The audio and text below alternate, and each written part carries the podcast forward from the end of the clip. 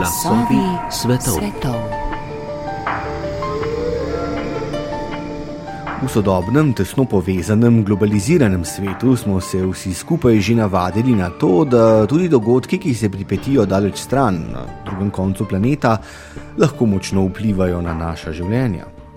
Samo pomislimo, naprimer, kako daljnosežno so celo na majhno, na svetovnem odru večji del neopazno Slovenijo vplivali zlom nepremičninskega trga v Združenih državah leta 2008, pa begunska kriza, ki jo je sprožila državljanska vojna v Siriji, ali izbruh epidemije COVID-a na Kitajskem leta 2019. A vse to, kot rečeno, lahko nekako razumemo.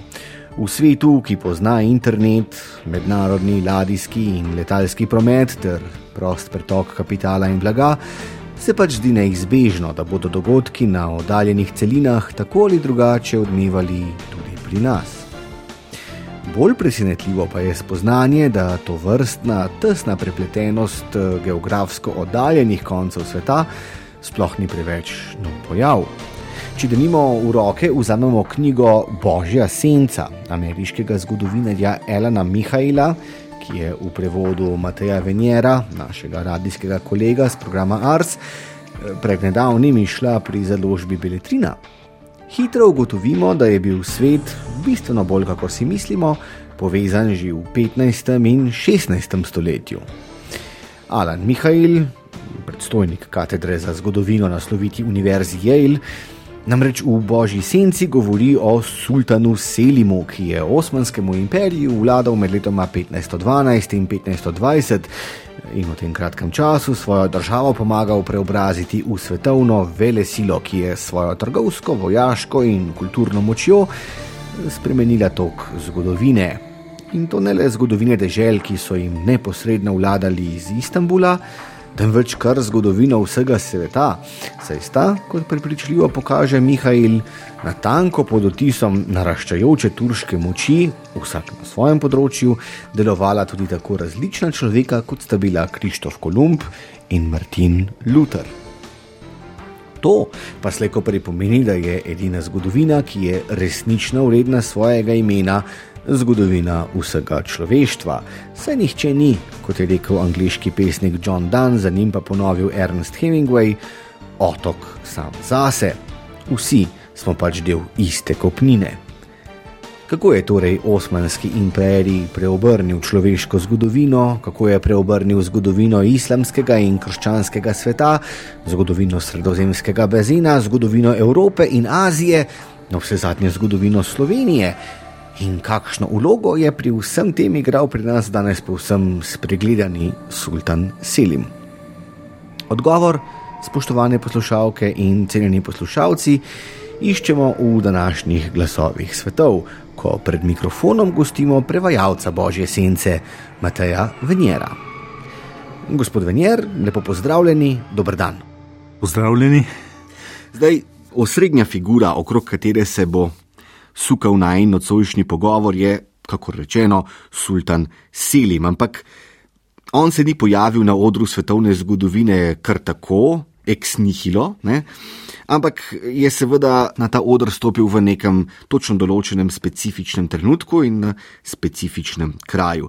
Zato mislim, ne bi bilo nič slabo, če za začetek nekako oriševa geopolitični položaj Osmanskega imperija tam, v drugi polovici 15. stoletja, v času, ko se je sultan, ko se je bodoči sultan Selim rodil, to je bilo leta 1470. 70, ja. torej, to je bilo obdobje eh, največje rasti, oziroma obdobje, ko je pravzaprav se ta osmanska država vzpostavila kot imperij in to po zauzetju Konstantinopla, ne, ko so leta 1453 je sultan Mehmed II. osvajalec končno po mnogih poskusih pač osmanskih uh, sultanov, da bi, da bi se dokopali do mesta, torej bilo je že na robu, že konec 14. stoletja bi Bajazid, prvi Bajazid bliskoviti Ilderim, ne, že uh, to verjetno naredil, če ga ne bi napadel Timur Šepavec ne, in ga premagal v bitki pri Ankari. Eh, na kar je potem sledila državljanska vojna znotraj osmanske države, ko so se trije princi spopadli za, pač, za, za nasledstvo. No, ampak razmere so dozorele leta 1453, ko so zahodne sile, genovčani in benečani predvsem, zanemarili grožnjo, ker niso eh, sultana resno jemali. Bil je takrat še mladoleten, 16 let star in uh, vojska ga je zaničevala. Nihče ni računal, s kakšno kačo imajo opravka. No, skratka, uh, on je pa potrpežljivo seveda dve leti zbiral sile in uh, s premočno vojsko na koncu maja meseca 1453 zasedel mesto. Mesto je padlo. Ne s tem pa se je potem položaj popolnoma spremenil. Ne. Takrat je dobilo svoj pravi zemljepisni center, pač Osmansko cesarstvo in se vzpostavilo, dokončno vzpostavilo kot imperij. Um, ker s tem so se tudi pretrgale trgovske vezi med Črnim morjem in Sredozemljem ko so zgradili tisto rumeli hisar, ne, je zgradil trdnjavo in je dokončno zaprl Bospor. Je dokončno zaprl Bospor, treba mu, mu je bilo potopiti samo eno ladjo, ki se je poskušala prebiti mimo ne, in je bila stvar zapečatena. Ne, in, torej, takrat so se pa šele zavedli, potem uh, v Italiji, ne, Benečani in papež in vse te odločujoče sile, kaj so si nakopali na glavo. Ne? In uh, takrat se je začela tudi v Evropi potem tista protiturška histerija, ne? ki je uh, potem obarvala celo stoletje, več stoletje in pol. Ne? No, uh, Ta Mehmed II. je potem bliskovito zasedel v, v 20 letih, potem pač 30 letih do svoje smrti, umrl je 1481, je zasedel Pelopones, vse ostanke bizantinskega cesarstva, Epir, eh, potem Trapezund, tudi Trabzon, ne, tisto mesto, kjer je potem Selim odraščal kot princ, eh, potem je eh, zasedel Albanijo, tudi torej vrsto teh okoliških držav in, in vzpostavil popolno hegemonijo na Balkanu, na Balkanu in uh, Bosno tudi, Bosno predvsem, ne, potem dokončno Srbijo, uh, to srbsko despotovino. Uh, potem je ukrotil eh, kraljestvo Črnega ovna v Anatoliji ne, in je skratka vzpostavil je močno eh, tudi centralizirano državo in pri tem je tudi vzpostavil kult sultana, sultana kot napobožanskega bitja, ne, ki je pač kot popoln vladar uh, obvladoval.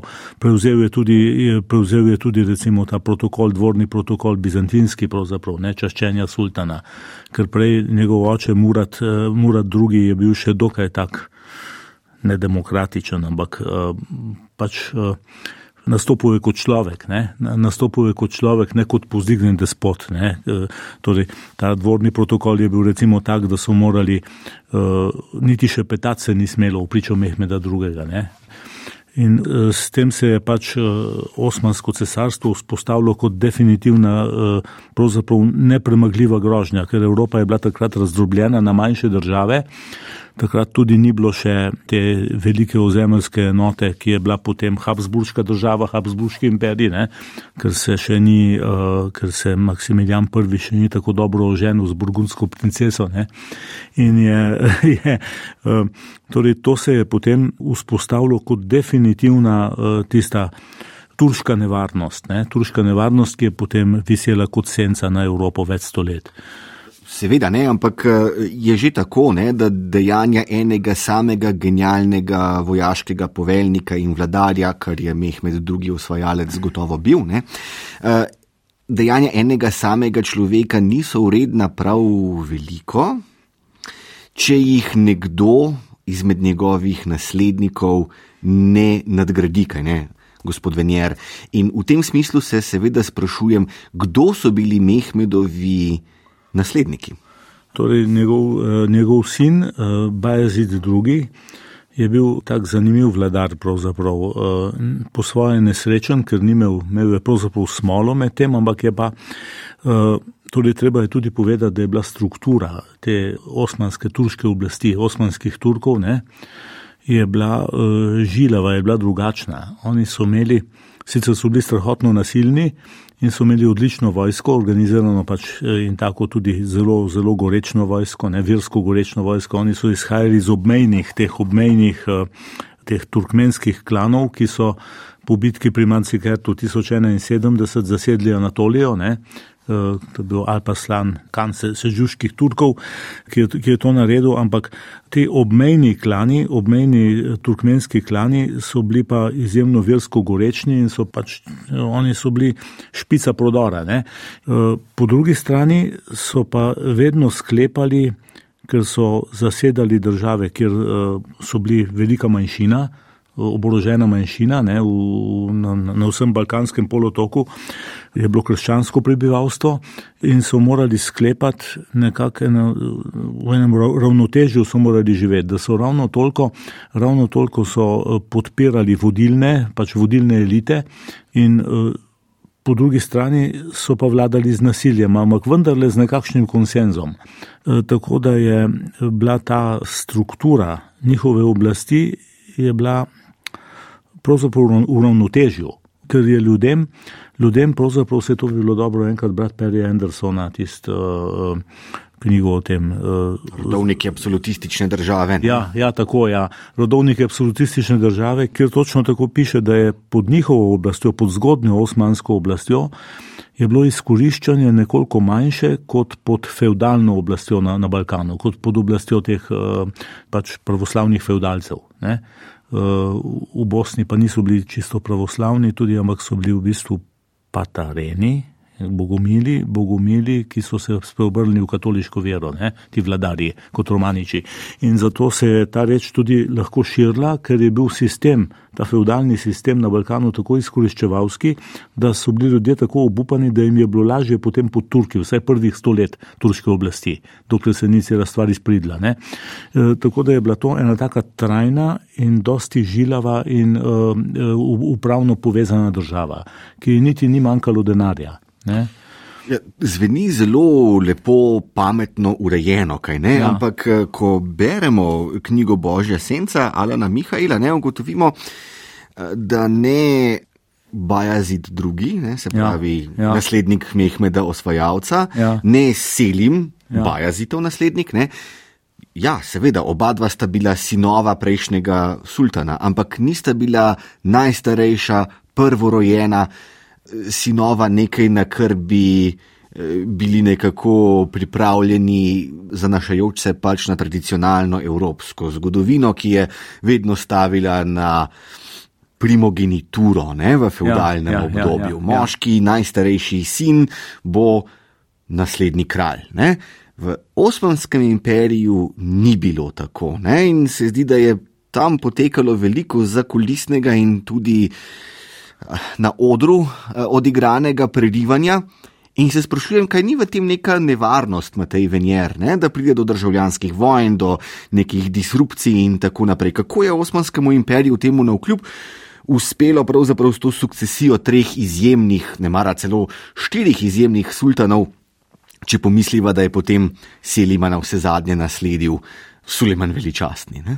Torej, to je, eh, kako se reče, struktura seraja, ne, haremski sistem, ne, ker so ti sultani, eh, tukaj je veljalo seveda to muslimansko mnogoženstvo in uh, sultani so imeli seveda, so morali poskrbeti za nasledstvo in najboljše so poskrbeli za nasledstvo v tistem času, ko dojenčki, pač polovica dojenčkov ni, ni, ni dočakala 20 leta, ne, polovica otrok je, je bilo to, da so imeli seveda čim več potomcev in to na ta način, da so imeli seveda veliko žena in priležnic. Uh, samo v Seraju je bilo pa potem tako, da je vladalo pravilo ena žena, en sin. In potem so imeli seveda, uh, tukaj je potem bilo polno nekih pol bratov, ki so jih vzgajali za prince, pač za vladarje. So imeli seveda naj, naj, najboljše takratne šole, najboljši takratni pouk in trening, ne? ampak um, Vedeli so pa, da bo seveda eh, na koncu sultan samo eden. Ne? In to ne nujno tisti najstarejši in tudi ne nujno tisti očetu najljubši. Zato, ker se je uh, potem so jih razposlali kot namestnike po provincah in tam so se urli za vladarje, ampak vladala je pa konkurenca med njimi in to taka zastrupljena konkurenca. Prvič so se tiste žene med sabo strahotno sovražile in tudi princi so se že od mladosti sovražili med sabo. To je bila tako tak zmržno zastrupljena skupnost, ta dvor, islamski dvor, ne, harem. Ne.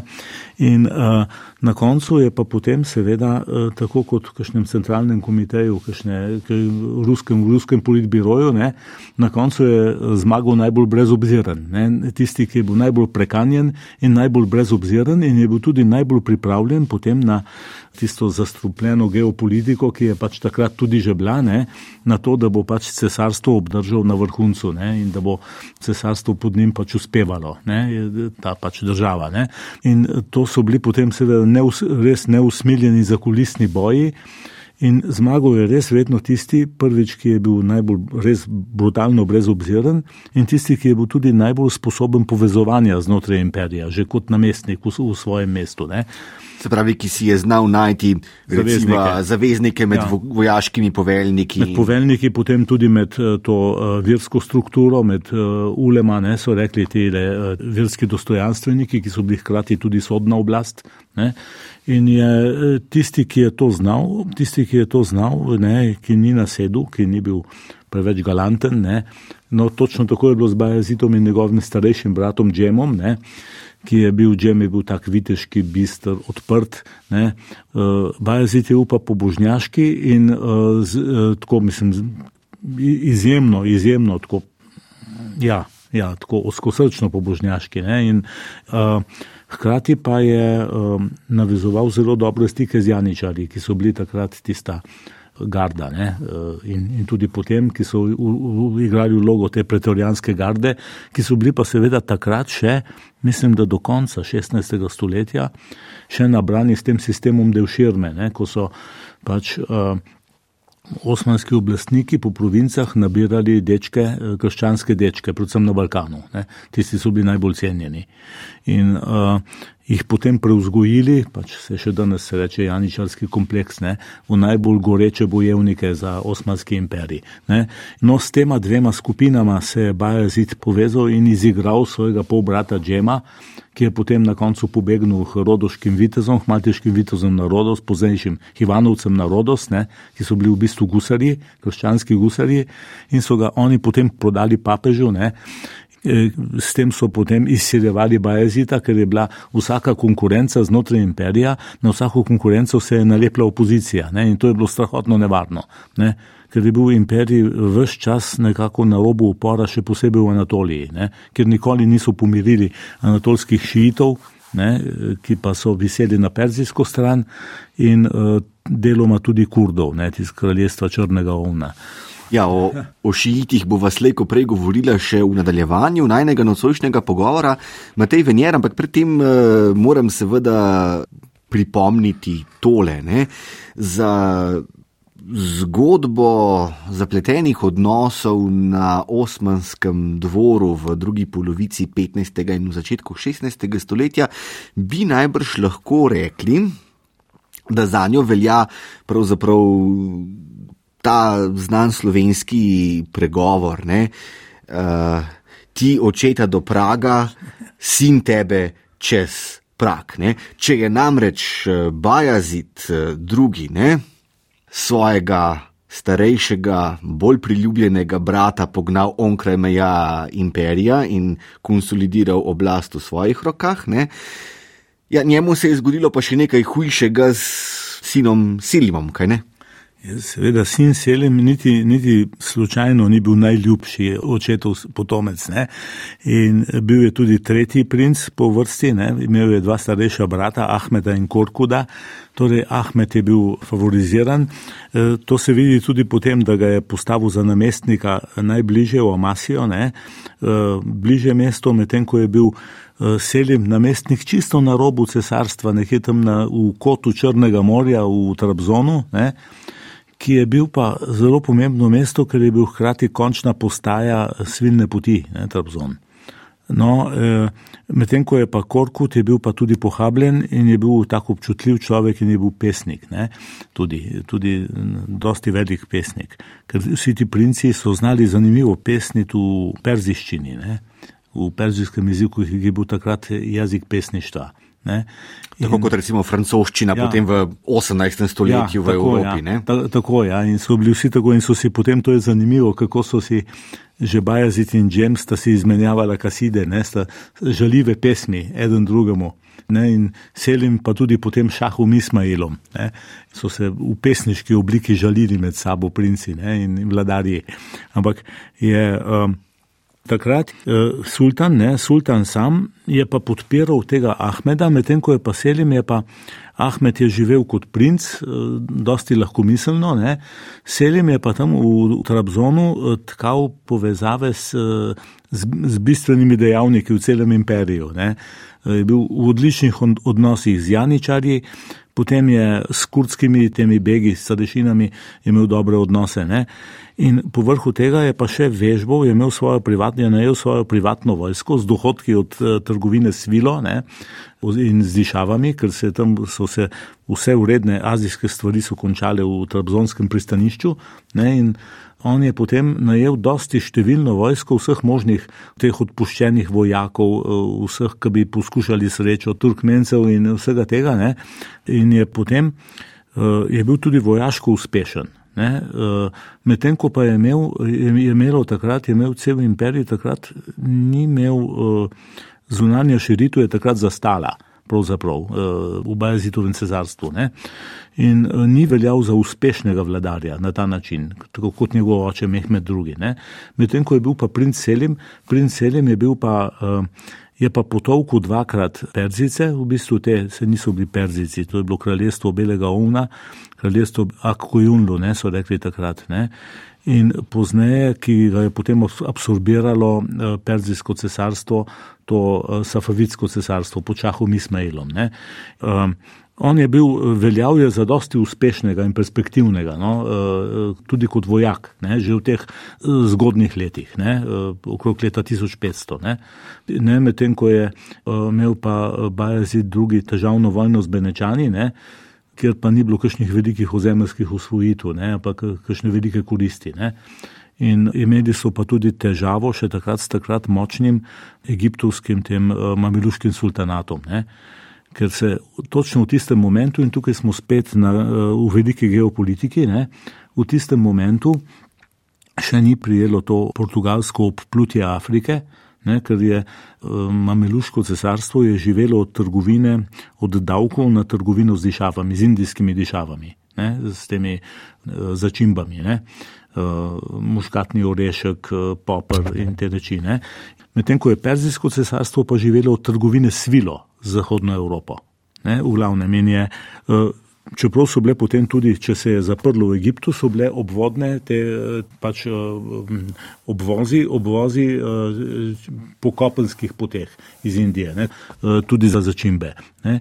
In točno v tistem momentu še niso Portugalci vzpostavili, prekinili teh povezav. Ne in so bili mameluki še močni in so v bistvu bili uspešni na meji z Osmansko državo, ne, tam v severni Siriji. Ne. Tako da je bil ta princ Selim, je bil v tistem, ko se je staral, Bajazid drugi, ne, je veljal za perspektivnega. Ne, za takega, ki bo to vojaško kasto povzdignil in jo popeljal v zmagovite boje. Ne. Še posebej potem, ko je on udaril v Gruzijo z, z enim takim zelo uspešnim roparskim bojnim pohodom in je zbral vse možne razbojnike iz Osmanskega cesarstva in jih popeljal v Gruzijo, kjer so potem imeli ogromno plena, še več pa so dobili od njega obljub. No. In uh, tako je potem on na koncu, na koncu je. Uh, Še posebej, ko so se težave v, v Mali Aziji zaostrile, ko je 1511. leta nastopil ti šahkuluje upor, ne, ko so se maloazijski šiiti uprli, ta pastirska plemena, in so jih ni mogel noben zadržati, ker so, uh, je malo, država je malo zaspala. Ne, in je potem uh, so s krajnimi napori ti šahkuluje upor potem nekako zadržali. In takrat je pa on skočil svojemu očetu v hrbet, ne, selim prvi. Princ Selim je skočil očetu v hrbet in mu začel učitati, da je nesposoben, javno tudi, ne, javno tudi, ker je bil na varnem, ker je bil oborožen, ne, je, je imel svojo privatno vojsko in takrat je bil potem sin očeta čez prak, ne, takrat se je potem tisto zgodilo. Ne.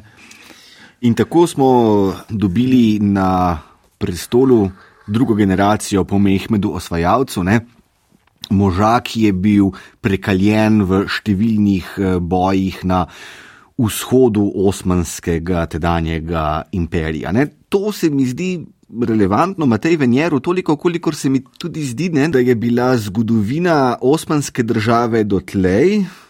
Pravzaprav osrediščena, predvsem bolj na zahodu. Ne? Nekako najpomembnejša tri mesta osmanske države so bile slejko prej Bursa, prva prestolnica imperija, mm. pa potem Odrin, Odrin ja. druga prestolnica in seveda na vse zadnje po letu 1453 Konstantinopel oziroma Istanbul. Ne?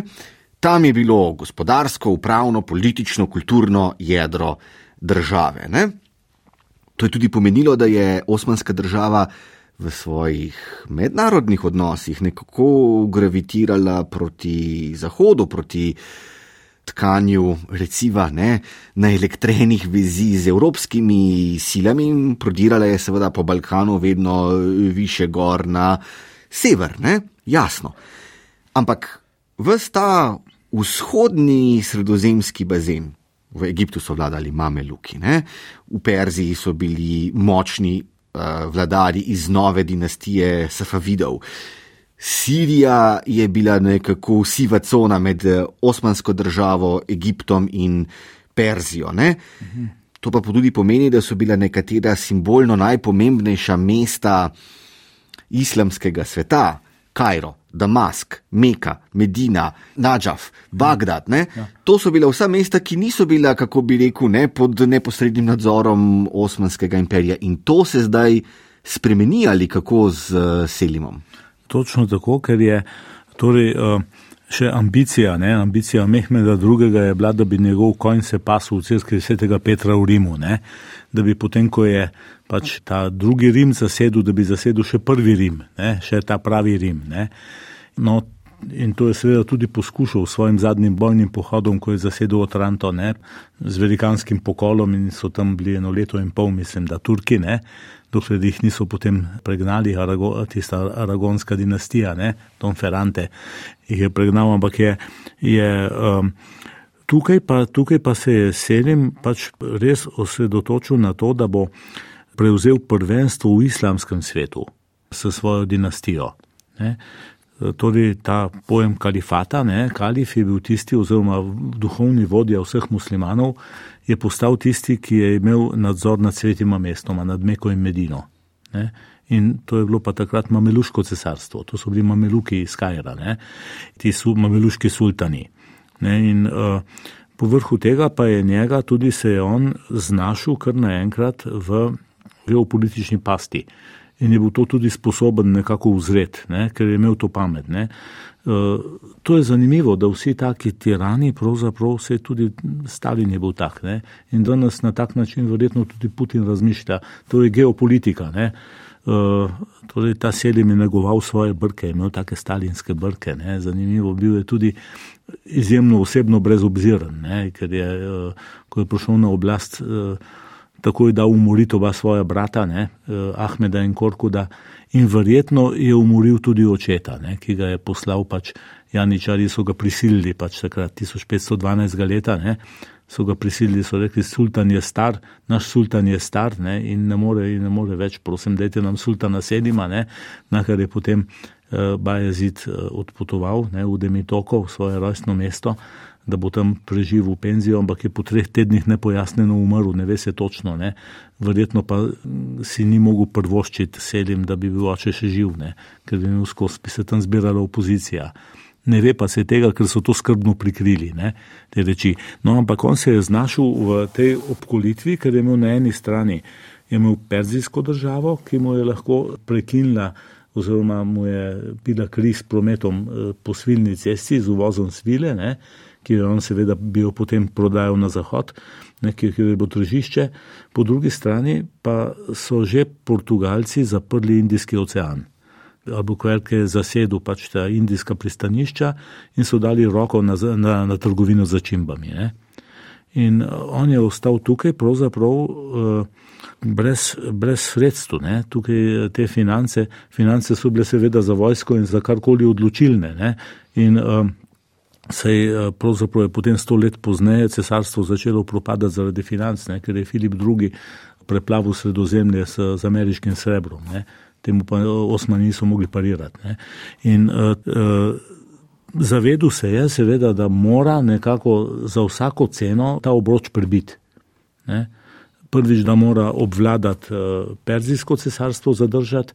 In da mora nujno zlomiti Mameluško cesarstvo. Ne? In to je potem v tistih osmih letih, kar je bil na oblasti, tudi napravo. Z Zahodom je bilo pa tako, da si je Zahod pa takrat pred njim oddahnil, pred Turki. Ne? V tistem času je bil na zahodu mir, pač on se ni spopadal ne z Benečani, ne, ne Španci, ne, razen kolikor so se zaletavali vanj. Ne, tam pač bojišče je bilo v Severni Afriki, ne, tam v, v pristaniščih Severne Afrike, ne v Magrebu. V Magrebu tam je, bil, je bila kar naprej nekakšna bitka Španci. Ne. Španskim imperijem, takratnim, ki je takrat nastal po letu 1092, ki je bilo pravzaprav prelomno leto tudi za Evropo ne? in ja, za svet. 1492. so Španci dokončali tako imenovano rekonkvisto, ne? se pravi, zauzeli so zadnjo islamsko književino na Iberskem polotoku, obenem pa so seveda poslali Krištofa Kolumba na usodno potovanje na zahod čez Atlantik. Ne? 1492. so, to je še tretje pogosto spregledano dejstvo, ampak eh, tudi pomembno, ne, izgnali jude iz eh, španskega kraljestva, ki so si poiskali novo zatočišče, večji del ravno v Osmanskem cesarstvu. Ne. No, tako, torej tudi to, eh, s tem bi se navezali na tisti začetek, ne, kako je bilo po 1453, je vladala v bistvu v Evropi eh, je vladal občutek strahotne ogroženosti pred Turki. Ne? Torej, se še, to, to še danes pri nas velja. Torej, takrat so Turki dejansko eh, po 1470-77 zdaj ne, prišli tudi na Krajinsko in Štajersko ne, in na Goriško v vojni z Benečani. Ne, In so tisti turški leteči odredi vse izropali, to so tisti strašni turški upadi pri nas. Ne ki so naredili verjetno okoli 200 tisoč uh, žrtev pri nas. Ne. In uh, še danes je najstarejša, po mojem, najstarejša psovka slovenska, kurbe turške. To je, to, to je od takrat, to je, od takrat, to je zelo stara stvar, ne. občutek turške nevarnosti. Ne. In to je vladalo v celem sredozemskem bazenu. Ne. V tem je bil tudi Krištof Kolumb vzgojen, vse to piše, to piše v tej knjigi. Ne. Namreč knjiga je zanimiva potem, da v bistvu ni napisana evropocentrično. Ne, in s tem bo tudi verjetno zelo intrigantna ta Mihajlova knjiga, o kateri govoriva. Ne, je, eh, bo zelo intrigantna, ker je on prvič preštudiral tudi te eh, turške vere, sicer ni pri tem prvi, to je že začel okoli leta 1800 Jozef von Hammer Purhštal, ne, ki je bil orientalist, eden prvih orientalistov velikih. Ne, In je uh, napisal tisto zgodovino turškega islamskega cesarstva v 21 knjigah, ne, Je... Njegov grad lahko obiščemo na avstrijskem Štajerskem, nedaleč ja. stran od slovenske meje. Ne? Ja, nedaleč stran od Šengotharda, od tam, ja, ko je bila tista velika bitka od Monoštra. No, uh, on je študiral turške vere ne, in je napisal to kroniko, to zgodovino in, in podoben pristop ima Mihajl, ki je pogledal stvari od vseh strani, tudi iz pač turške in perzijske strani in je vse to nekako navaja tudi v literaturi te zgodovinarje, ne, cel niz teh zgodovinarjev. In uh, takrat, seveda, niso bili zahodni, pač zahodne vzance, zahodni, nič kaj dosti bolj humane ne, kot te vzhodnjaške stvari. Ne. To so bili strahotno surovi časi, vse povsod. Ne. In tudi zelo netolerantni časi. Ne. Po eni strani tudi piše to, da je ta občutek ogroženosti sprožil uh, občutek strahotne netolerance, še večje kot je bila, ne, kdajkoli. Je oživil ta duh križarske vojne ne, na Zahodu. Eh, na Zahodu, ki je pač bil kar naprej navzoč ne, v teh obmejnih območjih. Ne.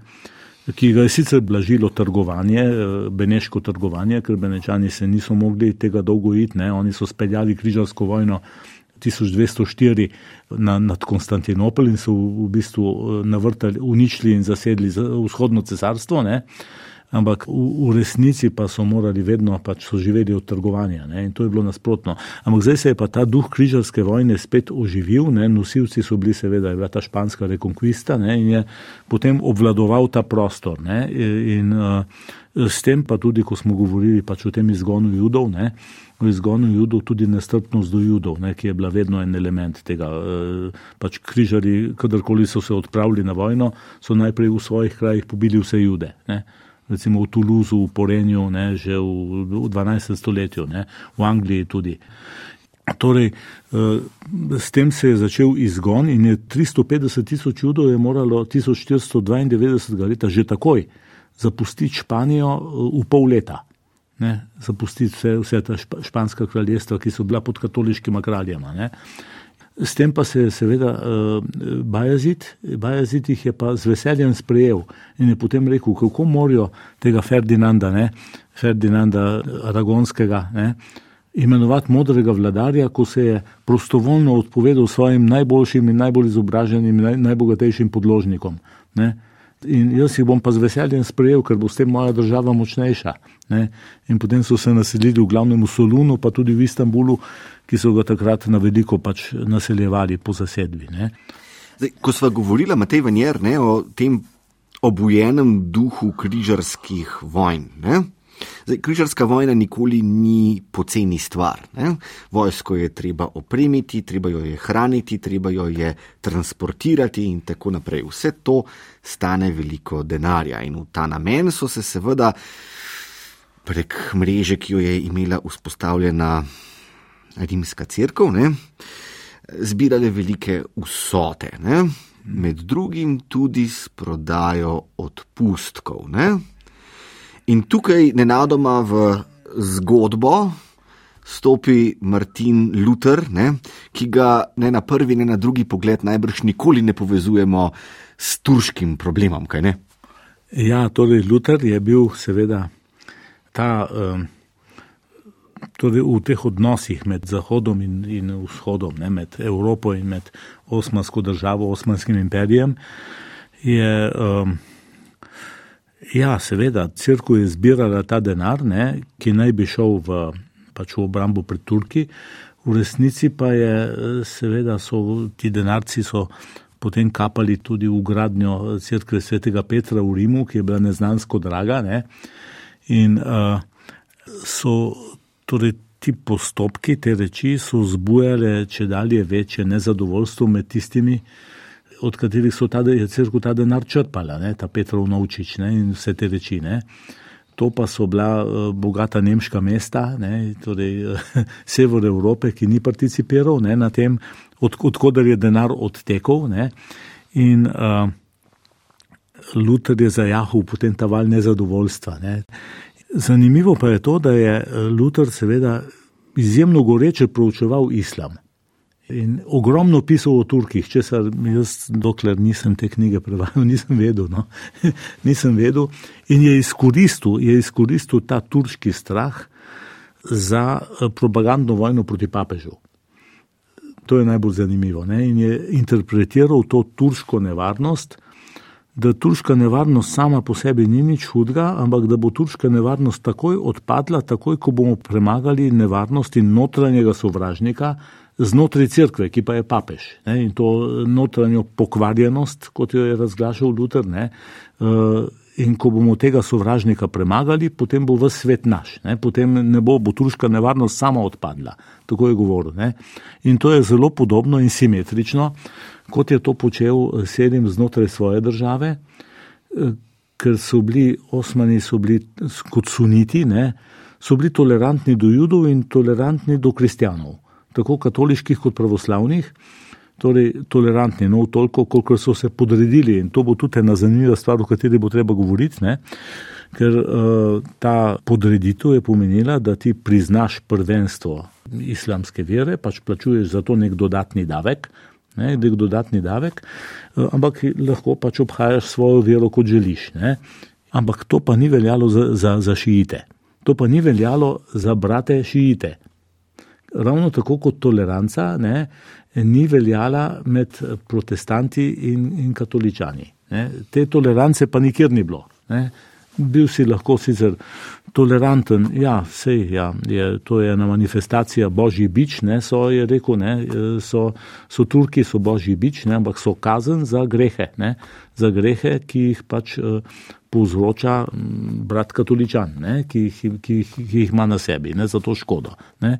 In podobna netoleranca je veljala tudi v Osmanskem imperiju, ker je Sedim je na svojem, recimo, na svojem bojnem pohodu in tukaj je tudi malo podoben eh, Stalinu in še komu, ne, na, na pohodu proti Perzicem, dal po seznamu pobiti vse šiite v krajih, eh, skozi katere je šla vojska njegova.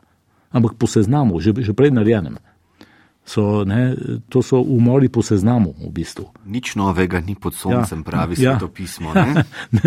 Nič novega pod soncem, ne, ampak zato je mene tako uh, spominja na, na te policijske umotvore, ne, Stalinove, ne, ta vladar. Ne. Ampak najbrž moramo reči, kaj ne, Matej Venjer, da je bilo sovraštvo do šijitev. Ja, dobro, seveda, do neke mere že zakorenjeno v verskem prepričanju, ampak obenem je bilo pa seveda počgano še z dejstvom, da je bila Safavitska dinastija v Iranu, se pravi v geopolitičnem tekmecu par excellence, mhm. seveda podpornica dvanajstniškega šiizma in je bilo z obračunom s šiiti, ki so živeli na anatolski planoti, ne, pravzaprav mm, odpravljena potencijalna peta kolona zoper eh, oblast v Istanbulu. Ne. Je točno tako, no. seveda, ker že ta šah kulu je upor, šah kulu pomeni šahov sužen, ne? ta, ta derviš šiitski, ki je zanetil ta upor in, in ga vodil in potem tudi padel v njem, ne? je bil eh, torej, očitno naklonjen eh, pač je bil perzijski podložnik, šahov sužen. Ne? In to je bilo uh, tam v tem unetljivem prostoru, kar je še danes Anatolija, ne skurdi, uh, uh, je, je bilo to strahotno nevarno, ne? res strahotna nevarnost, ker je recimo takrat v boju za nasledstvo, v tisti krizi, je najstarejši Bajazitov sin Ahmed, ne, ta pol brat, je odkrito potem čisto na koncu prestopil na perzijsko stran in nosil rdečo kapo, kizilbaš, ne, ker to so rekli kizilbaši, eh, tisti z rdečimi kapami so rekli šiitom. Ne, in je, je si nadel rdečo kapo, ne, potem na koncu v obupu. Ne. To, je bilo, to je bilo tam strahotno unetljivo ne, na tistem področju. In je pač. To je bilo za njega, eh, njemu se je zdelo to seveda nuja in najbolj nuja tudi bila v tistih časih. Zdaj, ker se bližava zlagoma sklepu najnega nocojšnjega pogovora, moramo najbrž ugotoviti tole. Ne? Vzpon turške države pod uh, Selimom na eni strani pravzaprav pridoda k stoletnim nesoglasjem ali nasprotovanjem med suniti in šiiti. Po drugi strani seveda zaustri nasprotovanja med muslimanskim in krščanskim svetom in pomaga poglobiti ali pospešiti zahodno schizmo, ne, ta veliki Lutrov razkol po letu 1517, to je bilo v petem, šestem letu Selimove vladavine. Ne. Hm. To so vse daljnosežne zgodovinske spremembe, ki jih čutimo še danes. Ne. Ampak tukaj je seveda potem še celotno veliko poglavje odkritja Amerike. Ne. Če sem dobro bral Alana Mihajla in njegovo knjigo Božja senca, Matej Venjer, je k odločitvi Ferdinanda in Izabele, da bosta financirala Kolumbovo potovanje čez Atlantik, pravzaprav pomembno vlogo igral ravno njun premislek o turški nevarnosti. Točno tako, zato ker sta bila v tistem trenutku in še dolgo potem je bila Evropa, kot je bila razdrobljena, nemočna, da bi eh, to odvrnila in sprostila gospodarske tokove. Torej, verjetno je bil bistven ta eh, element gospodarskega razcveta, je bila prosta trgovina z vzhodom. Pač vzhod je imel toliko stvari, ki jih je Zahodu manjkalo, in Zahod je imel tudi polno eh, tistega, kar je lahko zamenjavo. Ker je takrat so že imeli na Zahodu eh, dosti dobre tehnologije, razvite te obdelav kovin in teh reči, da so imeli tudi kaj prodajati. Ja, Torej, za kakršno koli ekspanzijo je, je bilo treba to sprostiti. Ampak kamorkoli so se obrnili, recimo Kolumb je tak, eh, prav ta Kolumbov življenjepis, ki je tukaj noter, je zelo zanimiv, ker kamorkoli je odjadral kot mornar, kot najemniški mornar, ne, kot najemniški kapitan, je trčil ob islam. Prvič na Kijosu, Ne? Potem je šel eh, po nalogu kralja Reneja Anžujskega neko ladjo reševati v Aleksandrijo in je komaj preživel, ali v Tripoli menda, in je komaj preživel, ne ve se točno, kaj se je tam zgodilo, ampak komaj je odnesel. Potem je odjadral v ekvatorijalno Afriko s Portugalci, ker je, je bil pač v službi Portugalcev. In tam je na svoje velikansko presenečenje naletel na neko cesarstvo Volofov eh, v Senegalu, in v tistih krajih, ki je bilo že muslimansko, že, že dolgo, že nekaj stolet muslimanska država, ki je pa zanimivo, toliko v trgovini sužnji, eh, z največjim veseljem lastne ljudi prodajalo Portugalcem za sužnje. Ne, in je, eh, je tista trgovina je strahovito cvetela, menda je bilo tako, ko je tisti Alvize Kadamosto, ne Benečan, potoval tam okoli 1400 v 50-ih letih 15. stoletja v Senegal, ne, in ki je odkril Kapverske otoke, tudi on, je uh, bil konj, je veljal 11 črnih sužnjev. Za konja si dubo 11 črnih sužnjev, že takrat. Ne. Ta trgovina je že takrat svetela, ampak ni se pa dalo nikamor, pravzaprav ni se pa dalo nikamor, ker si takoj trčil na neprebojen ta islamski zid. Ne. In v tem obupu je potem prišlo do te uh, od tega blazno tistega za lase privlečenega načrta, po nekaterih vesteh, da, da naj bi bil v Kataju na kitajskem. Ne, ker ena najbolj vplivnih knjig srednjega veka je bilo, so bila potovanja Marka Pola ne, in milijone, da je tam nek krščanski vladar. In ta Kolumb je v tem obupu ne, privlekel na plan to, da bojo pač se povezali s tem na drugem koncu sveta s krščanskim vladarjem, ne, z mongolskim kanom, vladarjem Kataja. Ne, in, Kublaj kan, ja, ja, ja, ja, in od, iz druge strani potem uh, obvladali, napadli islam in osvobodili sveta mesta, ker na vzhod ni šlo nikamor. Ne. Ampak bi iz vzhoda bi potem prišli okrog sveta. On seveda ni vedel, kako daleč je to, in ne vedel, da je vmes Amerika. Ne? In je potem po nesreči odkril Ameriko. To, to je tudi zanimivo, kar piše, da so ta duh križarske vojne ne? in tudi še kopirane postopke te elemente džihada, Španci prenesli v svoje tehnike podjarmljanja eh, teh ameriških staroseljcev. Mislim, to je blazno zanimivo, kar on piše tukaj. Ne? In kako se je fantazma islama, fantazma islama v Ameriki potem razvijala do današnjih dni. Ne? Fascinantno. Ne? Človek začne z enim človekom, ki vlada Osmanskemu imperiju vsega 8 let, ne? imperij je pa vendarle trajal približno 600 let, ne?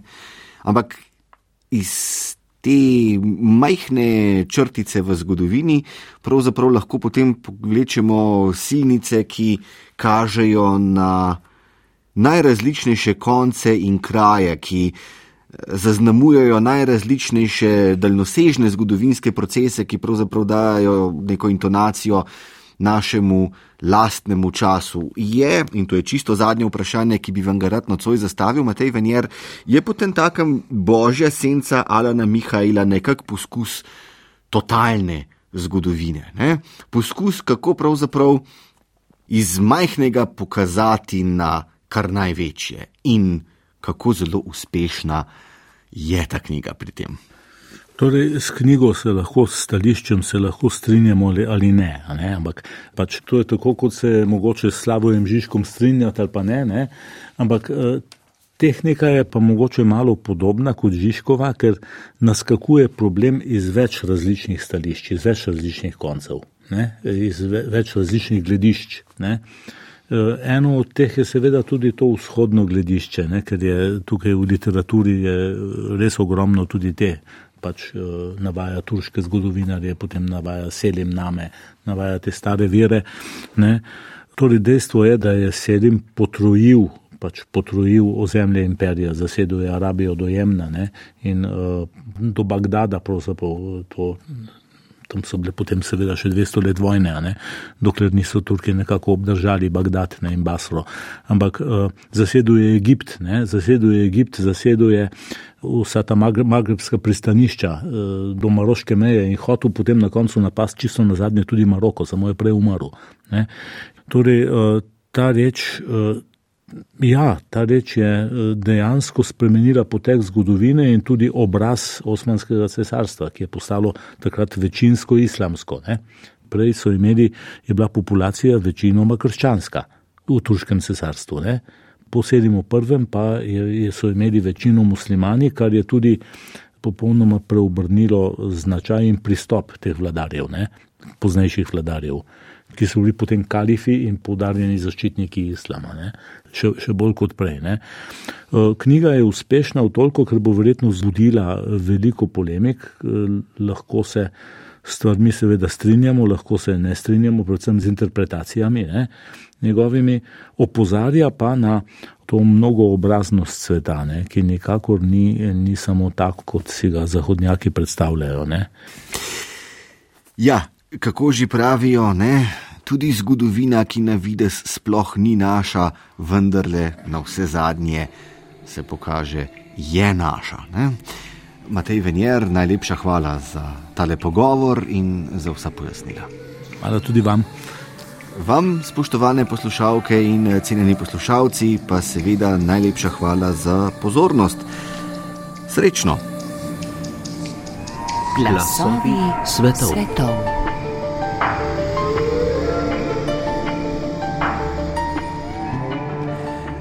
S tem smo prišli do konca tokratnih glasov svetov. Oddajo, ki lahko prisluhnete tudi v obliki podcasta ali jo poiščete na spletni strani programa Ars, sem pripravil in vodil Goran Dekleva.